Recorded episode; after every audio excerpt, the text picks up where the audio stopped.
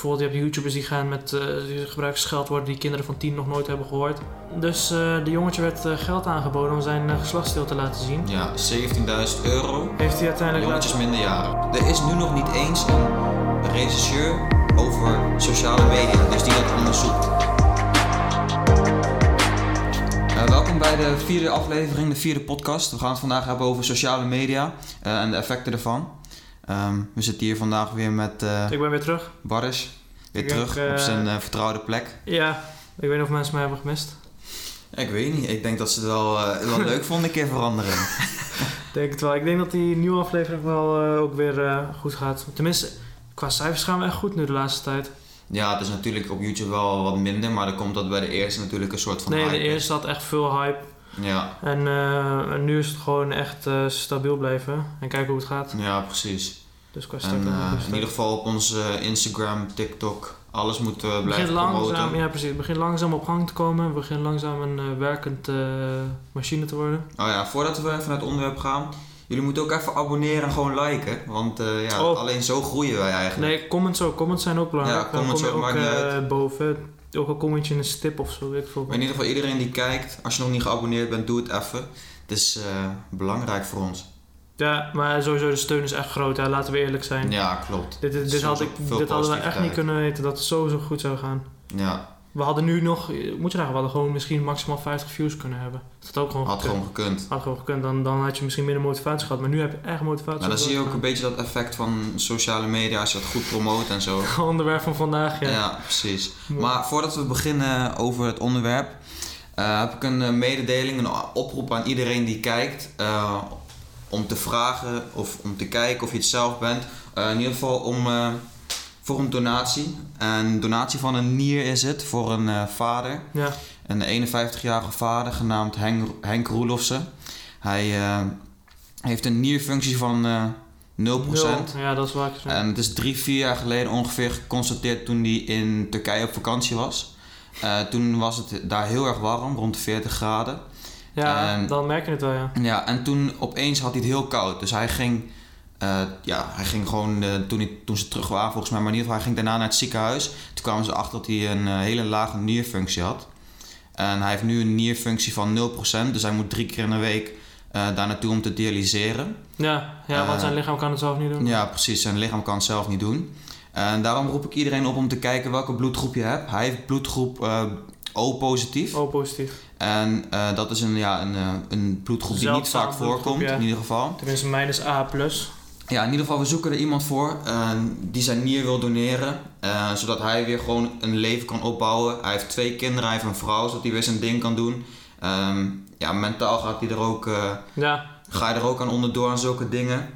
En, Dus we hopen natuurlijk om via dit een, een match te vinden en zoveel mogelijk te promoten. Ja, en dan eh, kunnen jullie bereiken via DM en dat soort dingen. Dan Ja, je kan door. ons, ons mailen, je kan ons DM'en, je kan ons ehm, ja, overal een berichtje op sturen. Eh, ik zal misschien te kunnen in de beschrijving zetten, mailadres en eh, van degene waar je het ook naartoe kan sturen die er direct over gaat. zijn, ja, dat kunnen we wel doen. Dat kunnen we ook doen. Maar in ieder geval zorg ervoor dat we nu de positieve kant van sociale media kunnen laten zien. Dat we een donor kunnen vinden voor ehm, ja, deze, spe- dit speciale verhaal over een nierfunctie van 0%. Niemand wil ermee, leren, eh, wil Nee. ermee leven überhaupt. Nee, Dus eh, ik hoop dat we hier een match kunnen vinden. ja, we hebben via natuurlijk dit. allemaal twee nieren. Je kan er wel eentje zonder leven. Dus ja, als iemand dat kan en iemand die bloedgroep heeft, doe het alsjeblieft. Want het is hard nodig. Ja. Zo kan hij in ieder geval zijn leven weer leiden. Precies. Maar dan, terugkomend op het onderwerp dat we vandaag hebben. Sociale media. Ja, Maar we gaan het eerst hebben over de negatieve kant en dan komen we weer terug op de positieve kant. Ja, er zijn eh, een aantal positieve kanten wat je mee allemaal kan doen, maar er zijn heel veel negatieve kanten die eh, vaak men niet eens in de gaten heeft. Nee, maar zou jij... Maar wat, wacht, laten we eerst even duidelijk hebben, wat valt er onder social media? Want straks... eh, Sociale media zijn eigenlijk alle apps waar jij eh, op kan gaan zitten, waar jij reacties kan zien, waar je alles, WhatsApp, Snapchat, Instagram, YouTube, ehm, ja, eigenlijk bijna elke app. Zou Pinterest social media zijn? Denk het wel, toch? Ik denk het ook wel, want daar worden, kan je daar commenten volgens mij? Kan je een comment En je kan heel veel foto's plaatsen en zo, dus Sowieso valt media. onder sociale media. Facebook, Twitter, alles, al die dingen vallen onder social media. Het begon allemaal op uh, Hives. Tenminste, Ja, vroeger ja. daar begon het. Op, als een onschuldige eh, iets nieuws in de wereld, laat maar zeggen. Mhm. Het was niet, eh, het was gewoon foto's plaatsen, met, misschien met een filter eroverheen. Ik heb het zelf eigenlijk nooit echt Ik heb. Hives ook nooit gebruikt. Mensen hadden tot de Blackberries volgens... Heet de Nee, Blackberry ik heb, ik ook een Blackberry gehad. Maar ik heb nooit Hives gehad. Heb je Blackberry gehad, ja? Ja, dat Ik was mijn eerste... nooit. Ik had Samsung na die Nokia was dat mijn eerste telefoon. Wat zei Nokia? Ja, vroeger altijd, als je gewoon ging voetballen, weet je wel, dan kreeg je een Nokia eh, mee van je ouders, zodat als iets gebeurt, dat je kon bellen. Ik kreeg niks mee. Ik was een wilde gozer die mocht eh, hopen dat eh kon overleven buiten. Ja, maar in ieder geval, eh, we gaan in ieder geval hebben over sociale media, negatieve effecten. Ehm, ja, je kan, jij kan beginnen, ik kan beginnen, maar laten we eerst hebben over hoe vaak je überhaupt je telefoon gebruikt per dag. Hoe vaak, Ja. denk, hoe vaak denk je dat dat gemiddeld ongeveer is dat jij je telefoon oppakt? ja, maar, ja, op Apple heb je nu eh ding waarschijnlijk. Een, eh, hoe heet dat meten gebeuren? Dat je dat meet? Ja, die uren. Ja, die uren kan die meten. uren. Android heeft dat ja, nog niet. schermtijd. Scherm, schermtijd. Dat heb ik nog niet, maar ik kan wel per app kijken. Mhm. En eh, soms zit YouTube op 4 uur. Oh ja, Maar dat is dan gemiddeld volgens mij. maar dat is schermtijd. Hoe vaak denk je dat je per dag jouw telefoon oppakt om te kijken? Gewoon Ja, alleen om te eh, kijken. Elke keer als er een bericht komt wel. Ja, en hoe vaak zou dat ongeveer zijn? Zo'n druk persoon ben ik ook weer niet, maar wel dat ik gewoon denk... Nou, gemiddeld, hè? Gewoon van 10, 20 of zo? 10, 20 keer. Denk het wel. Gemiddeld volgens RTL Nieuws is eh, het 85 keer per dag. Dat je je, tele- 85 dat keer je, je dag. telefoon oppakt, je aandoet. nagaan, een euro per keer dat je hem oppakt. Maar het, het probleem is ook, je staat ermee op en je gaat ermee naar bed. Je, als je, je telefoon is vaak je wekker, dus je pakt je telefoon op, je begint je dag met je telefoon, je Het is een kijkt erop. complete computer gewoon. Ja, het is eigenlijk gewoon je hele leven. Want als je ergens naartoe gaat, je kijkt je telefoon. Op school gebruik je telefoon. Op werk gebruik je je telefoon. Ehm, tijdens de pauzes gebruik je je telefoon. In je vrije tijd gebruik je je telefoon. Als je op Eigenlijk bezoek alleen bent, maar. als je op bezoek bent bij iemand, Ja, zit je ook eigenlijk nog op je alleen maar. telefoon. En dan ben je vooral bezig met sociale media. En dan ga je alleen maar dingen kijken. Je blijft maar scrollen. En dat soort dingen, weet je wel. Ja, dopamine vrijkomen. Ja, en dat is, een, eh, dat is ook een ander dingetje. Als je elke keer... eh, als je bijvoorbeeld gaat sporten, weet je wel. Ja. Of als je gaat ehm, Gokken. eh, gokken, maar in ieder geval dingen waar jij een beetje vreugde uit haalt. Dan eh, ook zo'n mensen. Alcohol, al- drugs. alcohol, drugs, dat soort dingen. Komt er een stofje vrij in je hoofd. Dat eh, heet dopamine. En dat is een stofje en die komt ook vrij als jij sociale media gebruikt. En dat stofje zorgt ervoor dat je, het, dat je blij wordt. Dus je wordt blij van sociale media. En eh, dat je er ook meer van wil. Dat is, dat is het stofje eigenlijk. Dus het, dat geldt ook voor Ja. sporten. Dus dat je blij wordt van sporten en dan wil je meer gaan sporten. Dat is eigenlijk wat er gebeurt. Er was ook een eh, hersenscan gemaakt, een keer met Mhm. eh, mensen die drugs hadden gebruikt en alcohol en dat soort dingen. En mensen die gewoon op social media zaten.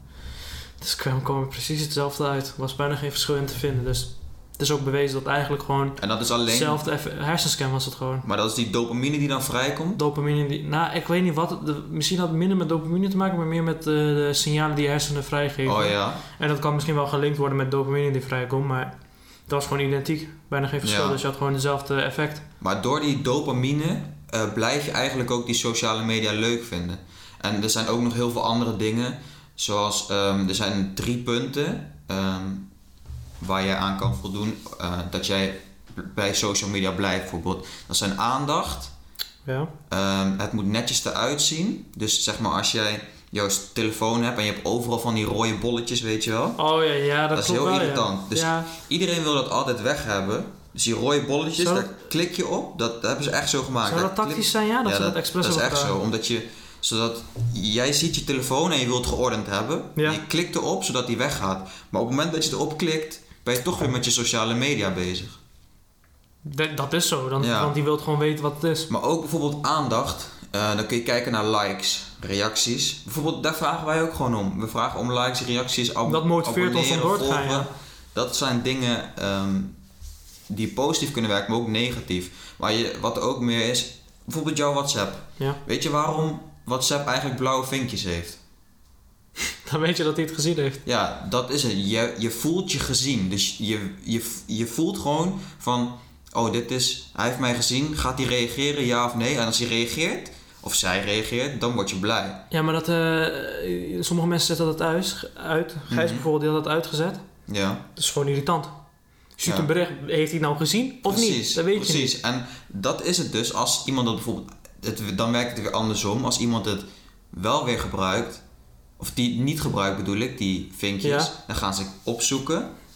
En dan gaan ze kijken, elke keer kijken of het een reactie is, of die online is, of die getypt heeft. Dat, dat ga je dan Dan begin krijgen. je te stalken. Mhm. Maar eh, Snapchat heeft het ook. Send, zien. Oh ja, afgeleverd, Ja. eh, geopend. Ja, dat zijn precies van die dingetjes.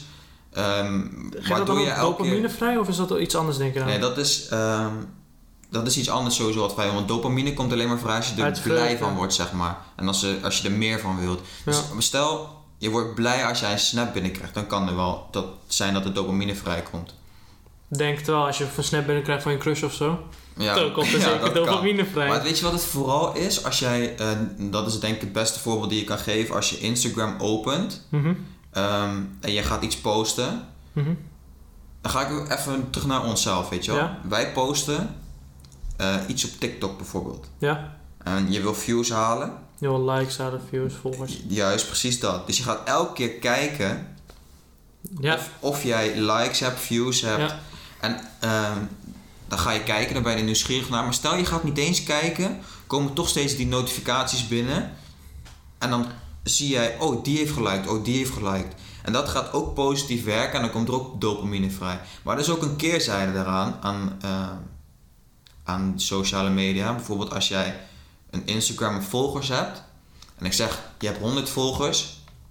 Ja. En op een gegeven moment zie je dat iemand ontvolgt. 99 volgers zie je ineens. Je hebt daar zelfs apps voor, hè? Ja, maar precies. Maar daarbij kun je, eh, kun je al een soort van... Oh, diegene die mij nu ontvolgd heeft, die mag mij niet. Dan kun je een heel negatief beeld schetsen over jezelf. En dat is ook een negatief punt ehm, wat ik vind van sociale media. Dat alles draait om likes, volgers en reacties. En als je het niet had, ga je zelfs wild doen om het te halen. Dat is met influencers tenminste. Die gaan dan een stap extra zetten om ehm, volgers te behalen. Ja, en dat, die gaan dan dingen doen, hele gevaarlijke dingen, hele, dingen, content die jij of ik misschien niet zouden Ja, maken. gelukkig is dat gestopt nu met die armen en dat soort dingen. Die kregen een tijdje geen aandacht. Dan gaan ze hele wilde dingen gaan lopen doen. Ja, Aandacht, ook al kom je slecht in het nieuws, boeien. klopt. Dat is echt zo. Maar ik, als ik zoiets zie, dan denk ik altijd van... eh, mensen hebben vaak niet in de gaten wat voor effect het heeft... eh, op, jong, op jongere generatie. Want die groeit al op met sociale media. Die kent niet anders. En als er dan bekende mensen... Misschien wel jouw favoriete rapper of favoriete artiest of zo... Of eh, acteur... Die zie jij iets doen en dan denk je, oh dat moet ik ook doen. Terwijl dat misschien helemaal niet hoeft. Of die zie jij een kledingstuk dragen Ja, jij van denkt dat hoeft Dat ook. helemaal niet. Of je ziet hem iets doen van wat eigenlijk niet zou moeten gebeuren. En waarvan je, waarvan je dan denkt van, oh, blijkbaar is het normaal, dus ik kan het ook doen. Precies. Als nou een influencer gaat gokken en er zitten kleine kinderen te kijken, dan denk je, oh, eigenlijk is het normaal. Misschien kan ik ook wel gaan gokken. Of alcohol drinken, of Mhm. eh, smoken, of wat dan ook. Dat Ja. filmen ze allemaal. ja, precies. Want dat zijn bijvoorbeeld... eh, het, het is meer dat je via social media, als je dat doet... En als bekend persoon, dan ga je dat normaliseren voor ehm, jongere mensen. Vooral eh, de jeugd die opgroeit met sociale media. Die heeft vanaf hun... Nou, ik hoop dat het hun twaalfde is. Als het niet eerder is, dat ze al beginnen met... eh, op sociale eerder, media zitten. echt eerder. Als je op TikTok kijkt, dan zie je opeens eh kleine kindjes op TikTok zitten. Ja, precies. Wie gunt hun die telefoon en die... Maar het is ook als ouder moeilijk, hè? Om je kind bij te houden, laat maar zeggen. De hele dag een Ja, op de telefoon. Hoe kan je, je nou gaat weten ook niet alles doet? controleren. Nee, je kan niet alles controleren, want het gaat ooit gewoon wegglippen. En als je geen controle hebt... Ja, dan kan de kind iets verkeers posten en dan kom je daar eh, mee in de problemen. Of de- Ja. ja. maar het is gewoon... ehm, controle is moeilijk te houden, laat maar zeggen, op kinderen op dat ze, in dat gebied. En ook gewoon... Ze gaan minder naar buiten. Ze zijn de hele dag binnen nu. Dat is Ja, ook een effect. Dat, eh, dat, dat is ook een effect van sociale media, maar ook eh, de apps eromheen. Eh, niet alleen, ook gewoon game apps, weet je wel. Dus ik denk niet... Ja, dat heeft ook effect. het ja. heeft allemaal met elkaar te maken natuurlijk. Maar het feit is wel dat er natuurlijk veel minder, veel minder eh, jongeren naar buiten gaan... omdat ze liever binnen zitten te gamen. Denk het ook. Of op social media zitten. bijvoorbeeld, laatst had ik ook te denken over dat lachgas gebeuren. Hoezo dat zo populair is geworden. Is dat niet gewoon door social media gewoon populair geworden? Want als er geen social media was, zou lachgas populair zijn? Ik zou zeggen, dat zou Ik bijna niet, niet eh, bestaan. Ja, wie, welk, Want er komen alleen maar bekende, Ja, er zijn op Snapchat... veel... Op Snapchat heb je, geen, ja, heb je geen grenzen, dus je kan op Snapchat gewoon een story plaatsen met een ballon. Dat boeit niet, want Snapchat gaat het toch niet controleren. Nee, klopt. Op Snapchat ben je echt vrij vrij. Dus mm, waarschijnlijk, ik denk dat het ook weer iets met trendsetting heeft te maken weer. Want er komen verkeerde dingen in de trend. Er wordt beroemd. Of Ja. het is, ze zien het gebeuren. Bijvoorbeeld, je hebt YouTubers die gaan met eh die gebruiken scheldwoorden die kinderen van tien nog nooit hebben gehoord. Daar beginnen ze het ook al te leren, Mhm. dat soort dingen. Het is allemaal, het is veel negatiefs dingen. Ik denk dat het negatief van social media meer is dan het positieve. Ja, het is, het is ook maar hoe je het bekijkt. Kijk, je kan eh, als je social media gebruikt eh, als werk, of je, in ieder geval als werk, laat ik Ja, zo zeggen, als werk. ook. Dan is het positief. Als je social media gebruikt voor om positiviteit te verspreiden, is het ook positief. Als je. Om anderen te helpen. Ja, precies. Om anderen te helpen is het ook allemaal positief. Maar zodra het. eh, en, eh, als het om likes gaat en reacties en zo, dan is het niet eens negatief. Maar eh, voor anderen kan het misschien negatief zijn omdat jij jezelf ermee gaat vergelijken. Van zo moet ik ook zijn. Nu ook, En dat ja. is bijvoorbeeld met influencers zo. Ehm, heel veel influencers die plaatsen alleen maar hun perfecte plaatje, weet je wel? Er zijn ja, honderdduizend foto's genomen. Ja, En dan plaatsen ze het mooiste plaatje. Photoshop waarschijnlijk. Misschien ook nog wel gefotoshopt. Nee, duidelijk Photoshop meeste. Ja, en dan, en dan, ja, dan, dan krijg je een beeld, die schets je tegenover jouw volgers, die gewoon jouw eigen normaal leven. zijn, zeg maar. Die, die, die een normaal leven leiden, die niet zo fancy zijn misschien. Mhm. En die zien dat en die denken, oh, ik moet ook zo zijn. Oh, ik moet ook die kleding hebben. Oh, mijn kamer moet er ook zo uitzien. Oh, ik moet ook zo zijn. Over mijn kamer zo uitzien, die lichttreintjes, weet je wel, om de plafond heen. Door TikTok. Ja, Die, Oh, dat je Ja, van kleur verandert. ja, dat is Ja. ook een trend geworden door eh, social media. Ja, Want klopt. mensen denken, oh, zij hebben het, moet ik het ook hebben. Omdat zij volgers hebben. Ja, Dat precies. zal wel goed zijn. Ja, dat zijn van die. Kijk, voor marketing is het heel goed. Voor als jij, Als, jij een voor bedrijf werk start, dan moet je goed. echt social media optimaal gebruiken. Ja, maar voor, ehm, als je, als, voor volgers die een beeld krijgen van bepaalde mensen is het niet goed. En ik heb één heel goed voorbeeld. Mhm. En ehm dan ga ik haar misschien een beetje de lucht in prijzen. Dat, dat wil ik niet per se doen, maar ik wil wel zeggen dat zij het goed doet. Jij kent D.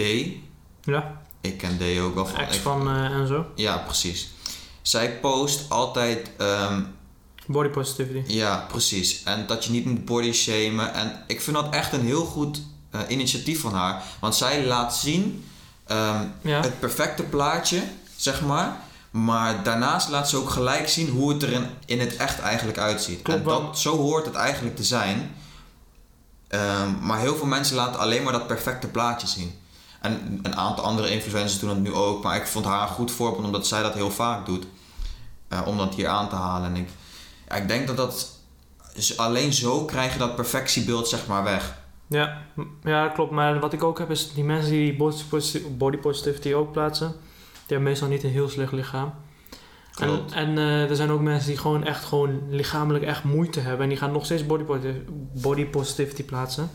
Mhm. Dat gaat jou niet van diabetes helpen. Dat moet ze ook niet vergeten. Want ik vind dat body positivity eigenlijk iets slechts is. Ja, ik niet. Ik vind het wel. Want die gaat je lichaam op beeld brengen. En dan ga je doen alsof het goed is. Wat je nu bent. Het is toch ook gewoon goed? Nee, Als iemand gewoon, als je tevreden. Kijk, als, als ik nu gewoon rechtop sta en ik eh, heb een vet meer of minder eh, dan iemand anders die eh, model is of zo. Dat maakt, het maakt niet uit. Als jij gewoon blij bent met jezelf, is het gewoon goed. En daar gaat het om. Het gaat niet om van we moeten eh, dik zijn of dun zijn normaliseren. Het gaat erom van dat je blij moet zijn met je eigen lichaam, weet je wel? Ja. Zo zie ik het. terugkomend op die body shame of body positivity. Ja. Mensen die gewoon overgewicht hebben. Echt gewoon obesitas hebben. En daar val ik zelf ook nog onder hè.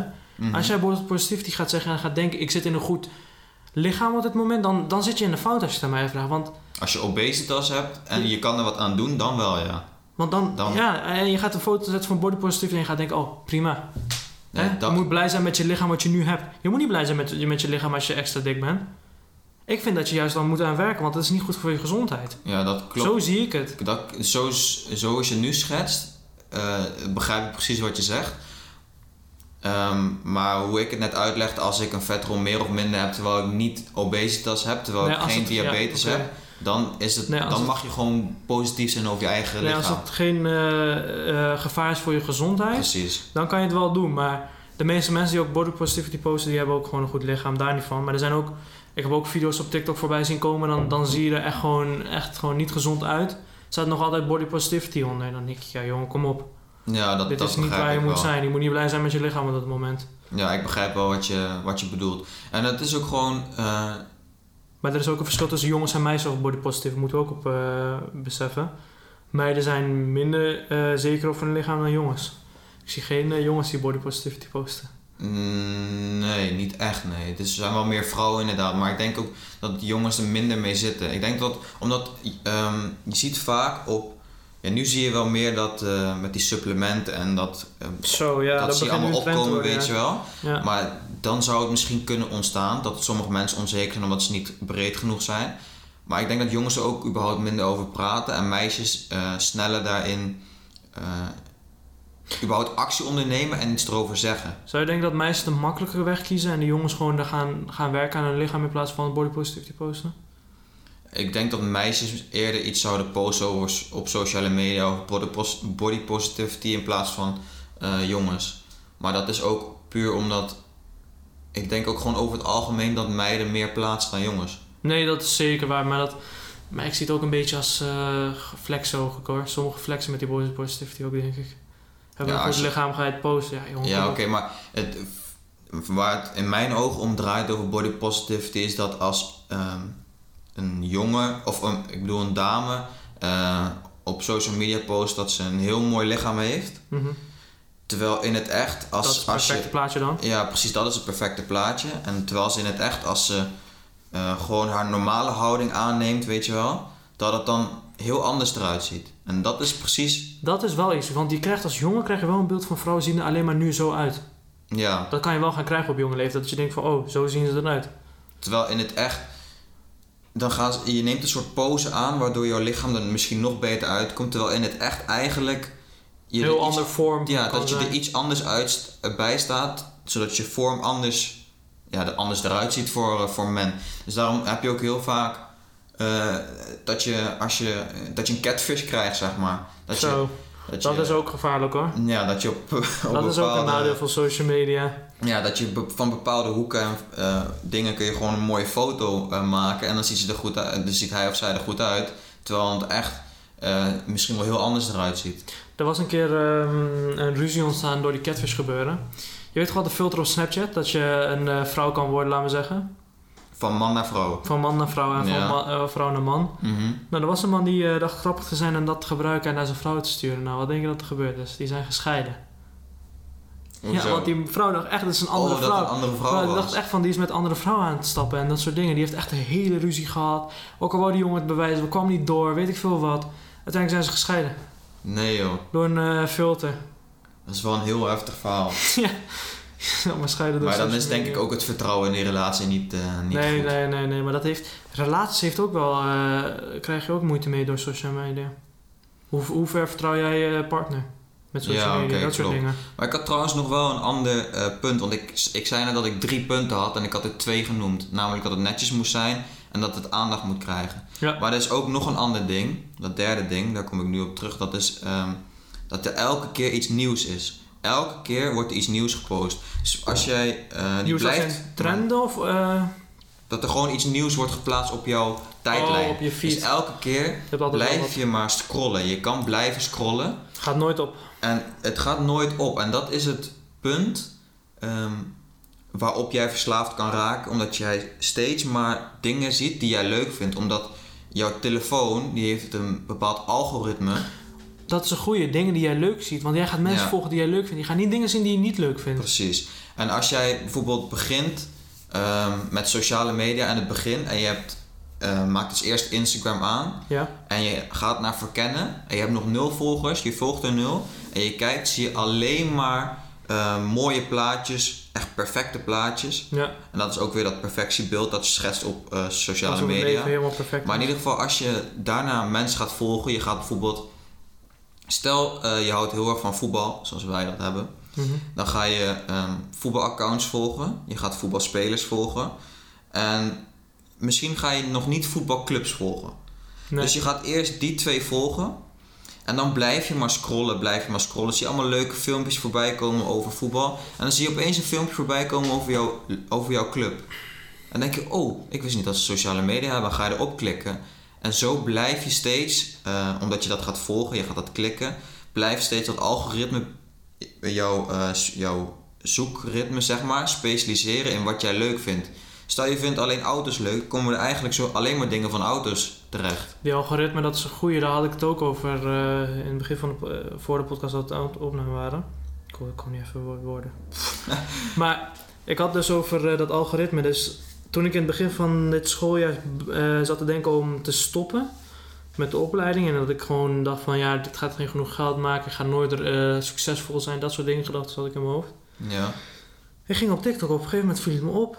Ik kreeg alleen maar van dat soort video's te zien, laat maar zeggen, dat dat daarmee te maken hadden.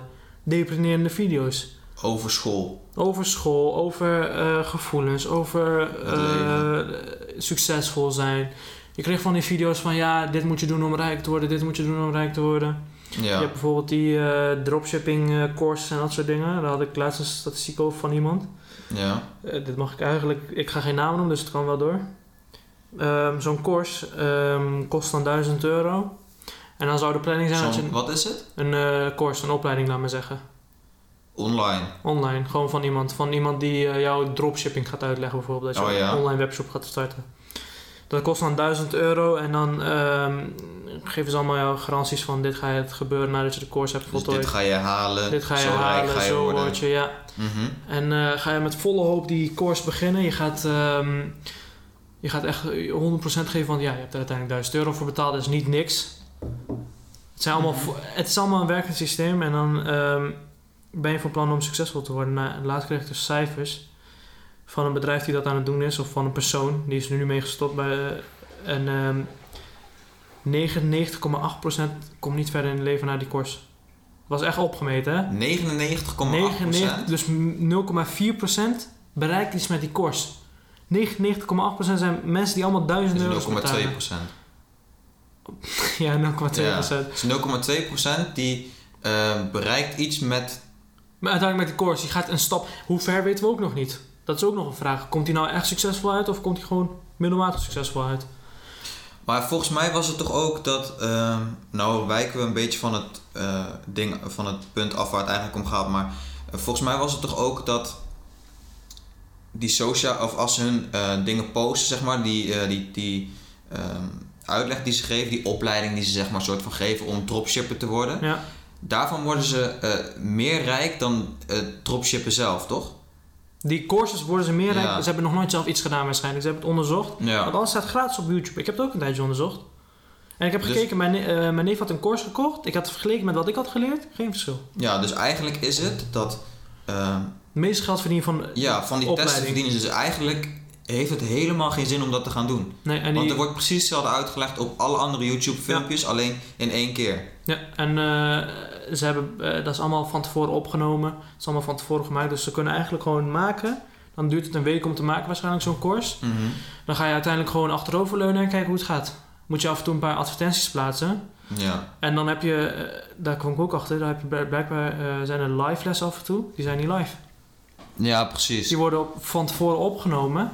Die worden als live voorgesteld. Ja, En dan zit bijvoorbeeld iemand eh, te doen als ik blijf. Oh, eh, dankjewel voor het bericht, bla bla alsof, alsof er een chat is. ja. Dan is er ook een chat, maar die is dan ge- gecodeerd zodat het werkt op de manier zoals de video werkt. ja, die is dan van tevoren al gemaakt. Ja, je wordt eigenlijk opgelicht als je aan mij vraagt met zulke courses. Ja, precies, maar je, daarom is ook een tip om het eigenlijk niet te doen. Nee, ik zou het niet zelf, doen. Het is eh, een. eh, ja, je, je leert er wel wat van. Je kan, beter zelf, je, je kan beter zelf onderzoeken en zelf Ja. boeken lezen en eh, YouTube-video's, YouTube, YouTube-video's is gewoon kijken een over zulke dingen. bibliotheek daarover. Daar kan je echt alles over vinden. ja. Dat is wel een positieve richting daarvan. Maar even terug naar eh, sociale media. Ehm, wat vind je, of hoe kan een influencer of een, eh, iemand die bekend is, die een blauwe vinkje heeft op Instagram of veel volgers, hoe kan die ervoor zorgen dat het perfectiebeeld weg wordt gehaald, dat negativiteit weg wordt gehaald en dat er alleen maar positieve eh, ja, vibes eigenlijk worden verzonden naar de volgers? Ja, Hoe zou jij dat Dat doen? is echt moeilijk, want dat kan je niet zomaar... Ja, dan mag je... Laat ik zo zeggen, welke dingen zou je in ieder geval niet posten? Bijvoorbeeld, ik zeg maar wat. Ik zou bijvoorbeeld zelf geen merkkleding posten, promoten. Ik zou zelf geen eh, drugs, alcohol, eh, dat soort dingen promoten. Of in ieder geval laten zien, weet je. Je promoot het niet, maar je laat het zien. Ja, maar dat is indirect promoten. Ja. Maar hoe, zou jij, hoe zie jij dat? Ja, het is echt moeilijk. Alles wat je post kan eigenlijk een eh, verkeerd effect hebben als je het aan mij vraagt. Ook al zou je een doodnormale foto posten, of je moet natuurfoto's gaan posten, dan heb je denk ik het probleem al direct opgelost. Ja, oké. Maar er is een reden waarom mensen jou volgen überhaupt. Laten we zeggen, je bent een influencer. Er, zijn, er zijn redenen waarom mensen jou volgen. Ze willen weten, meer weten over jouw leven. Ze willen meer weten hoe jij eh, wakker wordt, Mhm. dag eh, doorkomt en dan gaat slapen. Ja, dat, dat zou je wel kunnen posten, maar Ja, maar dan, dan heb je nog altijd hetzelfde effect, denk ik. En ik zou altijd als ik, eh, stel ik was influencer geweest, dan zou ik, ehm, want elke keer wordt er alleen maar positieve dingen gepost op Instagram en alle andere, alle andere sociale media. Worden positieve dingen gepost, maar geen negatieve dingen, zeg maar. Dus stel, ik heb een keer gewoon een dag die niet mee zit. Dus ik zit gewoon thuis en ik voel me een keer, eh, ja, laat ik zeggen, gewoon niet goed. Dan moet je dat ook laten zien als influencer. Of stel je hebt een keer een, slecht, eh, een slechte dag gehad op werk, dan kun je dat ook een keer laten zien of vertellen. En zo denk ik dat je wel een beetje dat vervelende beeld Ik denk dat het echt moeilijk is, ook al zou je dat doen. Ik denk echt dat het onmogelijk is een beetje aan het worden. Want het is gewoon... Mm, nou, ik denk, ik denk dat er wel. Ik denk dat je het positief moet bekijken. En dat het, dat het in ieder geval. eh, dat er voorbeelden zijn die het al wel doen. Maar wat als je gewoon voorlichting geeft in plaats van dat je de influencer iets laat doen? Als mensen van tevoren al weten, oké, er zijn ook slechte dingen. Maar dan dat de influencer dat niet per se hoeft te laten zien. Dan zou het al beter zijn. Ja, ja, precies. Maar weet je wat het eh, dan is? Die voorlichting. Waar ga je dat op doen? Op school? Hoezo? Je hebt Ja. genoeg eh, lessen die eh, eh, beter opgevuld kunnen worden hoor. Bij maatschappijleer bijvoorbeeld. Waarom zou je niet bij maatschappijleer kunnen? Of je maakt er een vak voor. Maatschappijleer past er wel bij. Level kan je het ook nog doen. Levensbeschouwing. Ja, het zou wel kunnen. Maar ik zie het meer als. ehm, Maar ja, mensen willen het Iedereen zit op zijn telefoon, ja. weet je wel. En je, hoe meer je op je telefoon zit, hoe minder je op, bijvoorbeeld oplet op school, weet je wel. Dus mensen zien eerder die influencer die bijvoorbeeld nu weer lekker in, nu mag het dan niet, maar lekker in een restaurant zit en lekker... Of ergens in Ibiza of zo. ja, precies. En op een mooie, mooie plek. En jij wilt dan ook zo zijn. Het is ook helemaal een trend geworden om bijvoorbeeld je Gucci-tas te fotograferen of zo, weet ik veel wat. Als je naar Ja, precies. Maar dat vind ik ook iets. Ehm, heel veel jongeren denken nu dat dat normaal is. Dat een Gucci-tas hebben voor een vrouw dat dat normaal is. Of voor Ja, nee, nee, nee. is. Ik heb het niet eens over dat soort tassen. Ik heb gewoon, eh, je weet gewoon als je naar de winkel bent, je hebt bijvoorbeeld, krijg je een tasje om je spullen in te stoppen. Oh ja. Dat soort dingen. Gaan ze foto's ervan maken. Ja, maar dat, nee, maar dat is precies hetzelfde met... Ja, hetzelfde, wat- ja. dat is on- ongeveer hetzelfde. Want je laat gewoon zien eh, wat je gekocht hebt. En misschien is dat wel heel duur. En daarmee schets je een beeld. Van ik ben beter dan jij. Nee, nee, dat niet eens. Maar dat het normaal is. Dat je het normaliseert dat je dat koopt. Maar iemand van 15 of 14 die denkt ook dat het normaal is als iemand met, Ja. met de hele dure kleding loopt. Terwijl dat niet normaal Gaan is. ze naar de ouders geld vragen of gaan met hun eigen geld opeens merkkleding lopen kopen? Omdat het op Ja. een ding populair is. Of elke keer als jij ehm, eh, je maandsalaris binnenkrijgt, dat jij gewoon heel veel ehm, dure merkkleding kan kopen, terwijl je ook gewoon normale kleding kan kopen. Dan kun je heel wat anders met dat geld doen. Dan Nee, kun je het investeren, je maar- kan het aan school, alles. Maar we hebben allemaal wel zo'n eh, stage gehad in ons leven dat we dachten van eh, je moet merkkleding hebben. Maar ja, op zich wel, iedereen op, wel denk ik. Naarmate dat je ouder wordt, dan geef je er ook minder om, denk ik hoor. Ja, maar het is ook vooral een, een, een soort tip naar jongeren. Je moet niet eh, alles geloven wat je ziet op sociale media. Niet alles geloof, dat is een goeie. Echt, heel veel dingen zijn niet echt. Eh, dat is identity theft, eh, dat had ik ook opgeschreven. Dat is dat je identiteit van iemand steelt. Dus je gaat met andermans identiteit misschien verkeerde dingen doen. Zoals, eh, moet je even verder uitleggen. Nou, laten we zeggen, je maakt, eh, iemand gaat op jouw naam een Insta-account maken. Ja. Noemt het nieuwe account, oude, oude account is geblokkeerd, bla bla bla. Ja? En dan gaan mensen dat account volgen. Dan zou dat persoon slechte dingen kunnen doen op dat account. Zouden mensen denken, oh, dit is hij. Op die Ja. manier. Dat is identiteitsdiefstal. Oh, zo ja. En je hebt nu ook deepfake. Weet je wat deepfake is? Nee. Deepfake is dat je bijvoorbeeld, eh, eh, even denken, wat is een goede voorbeeld? Eh, celebration van Messi bijvoorbeeld. Die, ja, hoe hij juicht. ja, hoe Messi hij juicht. bijvoorbeeld. Pakken ze jouw gezicht, kunnen ze met AI, artificial intelligence, dus gewoon computer, kunnen ze jouw gezicht op Messi plakken zonder problemen. Zou het lijken alsof jij het bent. Dat is dan voorbeeld. Dus dan sta ik zo Da- als Messi manier, en ik heb manier. gescoord en dan, eh, Zie je jouw gezicht dan zie je mijn gezicht op zijn, eh, op zijn hoofd. eh, hoofd. Je hebt, maar dan kan je dat, dat is nog een goede voorbeeld. Dat zou een leuk voorbeeld zijn. Maar je hebt ook Mhm. verkeerde voorbeelden. Bijvoorbeeld als iemand een dieps, diefstal doet. Ik heb toch Prison Break, de ding. Daar hebben ze ook gedeepfaked. En wat? Met in het begin van de serie hebben ze toen eh, Lincoln, toen hij iemand schoot. Ja? Toen is dat ook toch gewoon, dat schot was nooit gevuurd. Ja. Hebben ze uiteindelijk op de computer toch anders gezet. Op media uitgebracht en leek het alsof Lincoln die... eh, wie, wie had hij vermoord ook alweer? Dat weet ik niet meer. Maar Hij had iemand vermoord, dan hadden ze dat... eh, eh, dat wist ik helemaal niet, joh. had je dat niet, opge- is dat niet opgevallen in het begin van de serie dat ze nee. gingen ze Ik denk dat heel veel mensen dat niet weten. Wat was nou die naam van die hoofdpersoon? Michael, Michael Scofield. Michael Scofield. Die ging dat onderzoeken. Eh, met een paar grapjes die daarvoor in het begin van de serie nog waren. Ja. En toen eh, zagen ze gewoon dat het gewoon een deepfake was. De, shot wa- de schot was gevuurd. Maar dat was echt goed gedaan. De schot Mhm. was gevuurd terwijl die nooit gevuurd was. Dus ze hebben gewoon Wow. flitseffecten toegevoegd, kogeleffecten. Iemand anders heeft natuurlijk die man doodgemaakt. Die man is wel officieel doodgegaan, maar dat was iemand anders die dat heeft gedaan. Ja, in de serie. In de serie. Ja. Eh, maar het is uiteindelijk eigenlijk gewoon met AI, dus met beeldeffecten, is het gewoon echt vertoond. Alsof het echt gebeurd is. Dat is echt, eh Dus echt ziek. Maar dat kan dus... Dat kan dus, eh, dat gebeurt nu in een film en dan, dan is, wordt het positief gebruikt. Ja. Maar het, het kan dus ook gewoon met heel veel andere dingen. Dus bijvoorbeeld Diefstal. ja, of een filmpje voor jou wat jij misschien niet bent. Of een foto van jou wat jij misschien niet bent. Ja, dat is ook een probleem. Maar wat ik En dan zei, ga, ja, gewoon zeg maar. de diefstal bijvoorbeeld, dan zou je iemands hoofd op camera beelden en dan pak je die camerabeelden, zet je iemands hoofd erop. Hij is het, ik niet. Zo ver kan het gaan. Zo ver kan het gaan. Dat is best erg. Maar als je bijvoorbeeld ook kijkt naar. ehm, je weet wel, nu op heel veel eh, sociale media, het is heel bekend nu, is dat shaming. Dat eh, shaming van. eh, Shaming van eh, lichaam of van... Ja, van, nee, maar van mensen, weet je wel. Dat je ehm, bijvoorbeeld op Telegram of dat soort dingen, dat er eh, mensen kapot worden gemaakt omdat ze bijvoorbeeld een eh, pikante foto hebben gestuurd of niet gemaakt. alleen dat. Ik, Of- heb, ja, dat is omdat ik als test ging eh, Telegram in toen voor deze podcast.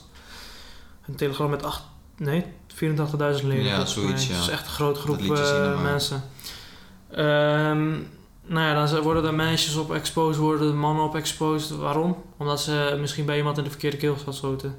Dat Ja. bijvoorbeeld, ehm, er was eh, een keertje dat iemand. ehm, de, bijvoorbeeld, de jongen stuurde een bericht naar een meisje en die meisje reageert niet. Die wil geen eh, aandacht geven, weet ik veel wat. Die jongen wordt er boos op. Wat doet hij? Pakt die foto van de meisje, pakt het nummer, pakt de eh, Snapchat, post het op dat Telegram. Telegram Ja, zet en dan hij bij wordt die van. dit- zij heeft dit dat gedaan. Ja, er wordt erbij gezegd van bijvoorbeeld zij is islamitater of weet ik veel, zij is racist. Er worden allemaal erge dingen over de persoon gezegd wat niet zo is waarschijnlijk Mhm. wordt daar gepost. Dus iedereen krijgt een beeld van, oh, dat meisje is een racist. Laten we direct een snap opschrijven en een bericht sturen. Zo. Zo kan je iemands leven met één foto En er was volgens mij ook een 13-jarig meisje. ehm, ik kom even niet meer op de naam. Maar eh, dat was laatst gebeurd. Ja, een tijdje geleden al. Maar dat was laatst weer in het nieuws volgens mij. Ehm, dat er een meisje was die eh, van 13. de- Waarbij dat gebeurde. Volgens mij dat slut-shaming. En Mm. ehm, zij heeft toen zelfmoord gepleegd op 13-jarige leeftijd. Om, om volgens mij bepaalde foto's. Ja, dat is toch ongelooflijk dat social media zoveel eh, negativiteit kan oproepen bij iemand. Om gewoon Dat een einde aan je leven te maken. Ja, dat is pijnlijk. Ja. Nou, even terug. Jij had het net over haat. Ehm, er is trouwens een verhaal over eh, Leno, de keeper van Arsenal. Een, eh, Die heb ik ook gehoord, ja. Ja. ik zal hem even vertellen. Hij ehm, zat op sociale media en hij zag heel veel reacties voorbij komen nadat hij volgens mij een grote fout had gemaakt. Ja. En die fout, ehm, ja, dat was gewoon een, een blunder. Gewoon een keepersfout, Gewoon ja. een keepersfout, kan gebeuren. Maar op een gegeven moment eh, kreeg hij reacties en heel veel haatreacties. En toen zag hij ertussen staan, doe het zoals Enke het deed. ja. Enke is een eh, voetballer die zichzelf, eh, Keeper ook. die zichzelf eh, van kant heeft gemaakt, die zelfmoord gepleegd heeft. Een keeper, een Duitse keeper ook, Ja. ehm, door depressie.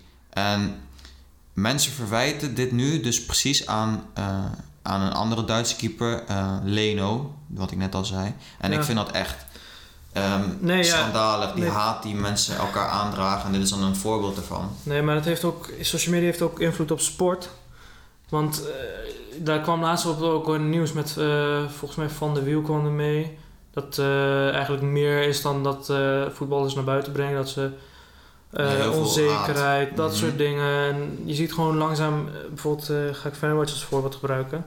Ja. Voetballers zetten langzaam hun Insta-comments uit. ja, klopt. Dat zie ik ook Omdat vaak gebeuren. niet haat willen zien en dat soort dingen. Ja, je kan moeilijk niet kijken op social media. Ja, je krijgt het toch Ook, je krijgt het op een zien. of andere manier wel te zien. En nu bijvoorbeeld kan ik weer Fanwatch als voorbeeld gebruiken. Met social media is gewoon gezorgd dat er een trainer bij kwam. Dus ze hebben gewoon van trainer geswitcht. Omdat de fans dat op social media aangaven. En uiteindelijk is het niet goed gekomen.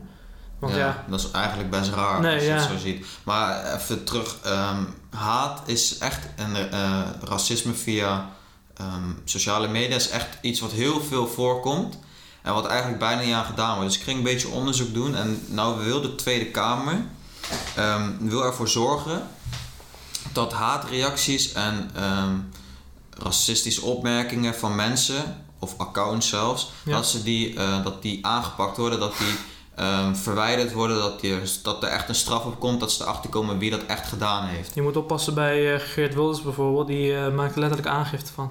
Ja, Die stuurt screenshots naar de politie en dan... ja, precies. Maar in ieder geval, het is heel raar. Ik, ehm, er is nu nog niet eens een regisseur over sociale media, dus die dat onderzoekt.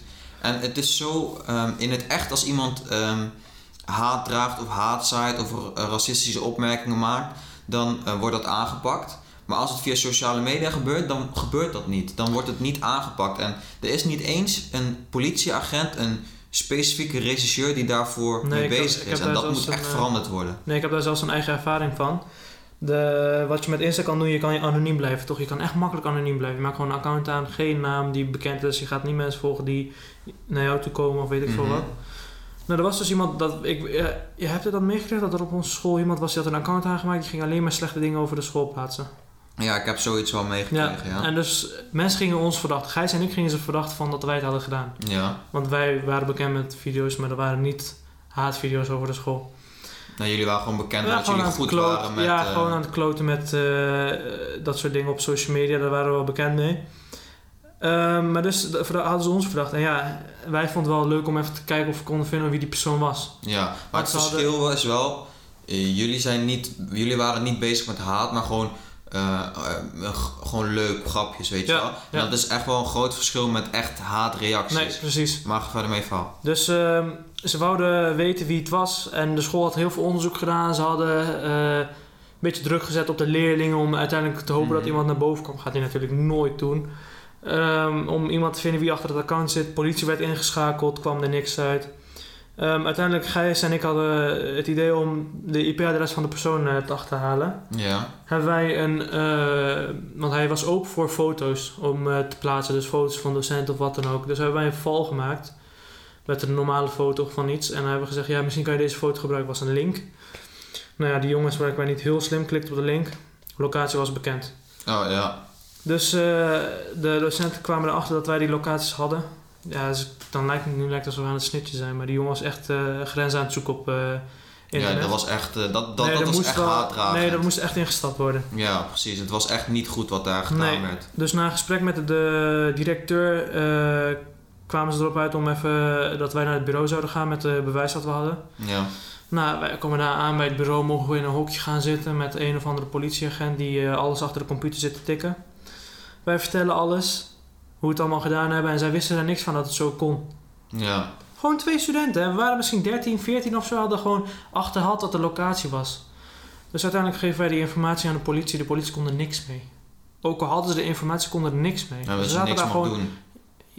nou, dat weet ik niet, maar ook gewoon kennis. Kennis Ja. is ook echt laag daar, want ze wisten niet dat het kon, ze wisten niet hoe het werkt met IP-adressen. Maar daarom, de, heel Daarom veel mensen weten heel veel hoe social media in elkaar zit, maar het rechtssysteem, zeg maar, weet dat nog, die Die loopt een toe, beetje zeg maar. achter, Die loopt ja, die achter. loopt achter. Nu gaat het wel langzaam opkomen, want je ziet ook eh, politie die eh, reclame maakt voor IT-specialisten, die willen dat ook hebben. Mhm. Dus langzaam eh, zijn ze dat aan het tackelen met ook die sleepwet, dat ze jou kunnen aftappen, dat is ook wat. Ja, maar dat is, kan positief en negatief zijn. Ja, Positief omdat je criminaliteit oppakt, waarschijnlijk. Ja. En negatief, Negatief, omdat het gewoon... ja, jouw alles Privacy is staat sowieso niet transparant. Ja. Alles is transparant. Iedereen ziet wat je doet. Zelfs Google luistert mee wat ja, jij had ik wel net doet. opgezocht, ja. Op eh Android-telefoons luistert Google mee blijkbaar. Ja, ongelooflijk. Dus eh, ja, maar het viel me op, want ik, ik had met mijn moeder over, eh, weet ik veel, wat was het? Een eh, jas, denk ik, of zo.